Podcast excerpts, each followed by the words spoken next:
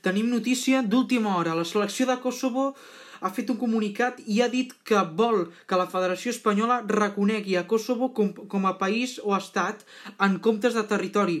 Inclòs existeix la possibilitat de que no es pugui presentar-se al partit.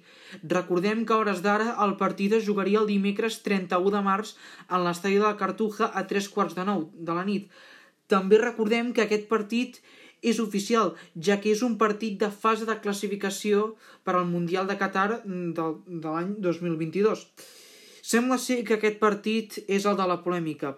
De fet, al desembre, quan es va celebrar el sorteig de la fase de classificació per al Mundial de Qatar, la ministra d'Afers Exteriors va assegurar que aquest partit, que tindria lloc el per 1 de març, es podria jugar sense cap problema, tot i saber que eh, el govern d'Espanya no reconeixeria a Kosovo com a estat o país.